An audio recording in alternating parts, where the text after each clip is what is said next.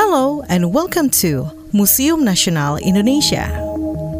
This might be one of the oldest, longest, and most important inscription on technological engineering done by Jakarta people's ancestors. Coming from the 5th century, this round stone is also a witness on how Jakarta befriended with water.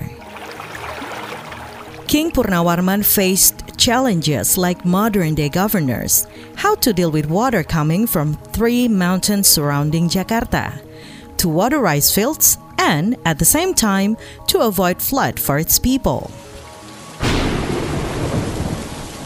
After 20 years in power, the king started to dig out Chandrabaga and Gomati channels that travel to his palaces. This giant infrastructure finished in just 20 days. Imagine how many people were involved in such project. Probably thousands.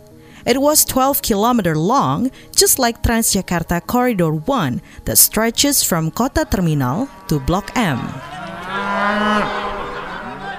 On the official ceremony, the king threw a giant celebration. Inviting all Brahmanas, King Purnawarman gave 1,000 cows for the party. Until today, no experts were able to solve the mystery of these channels, where they are, and where the castle of King Purnawarman was located.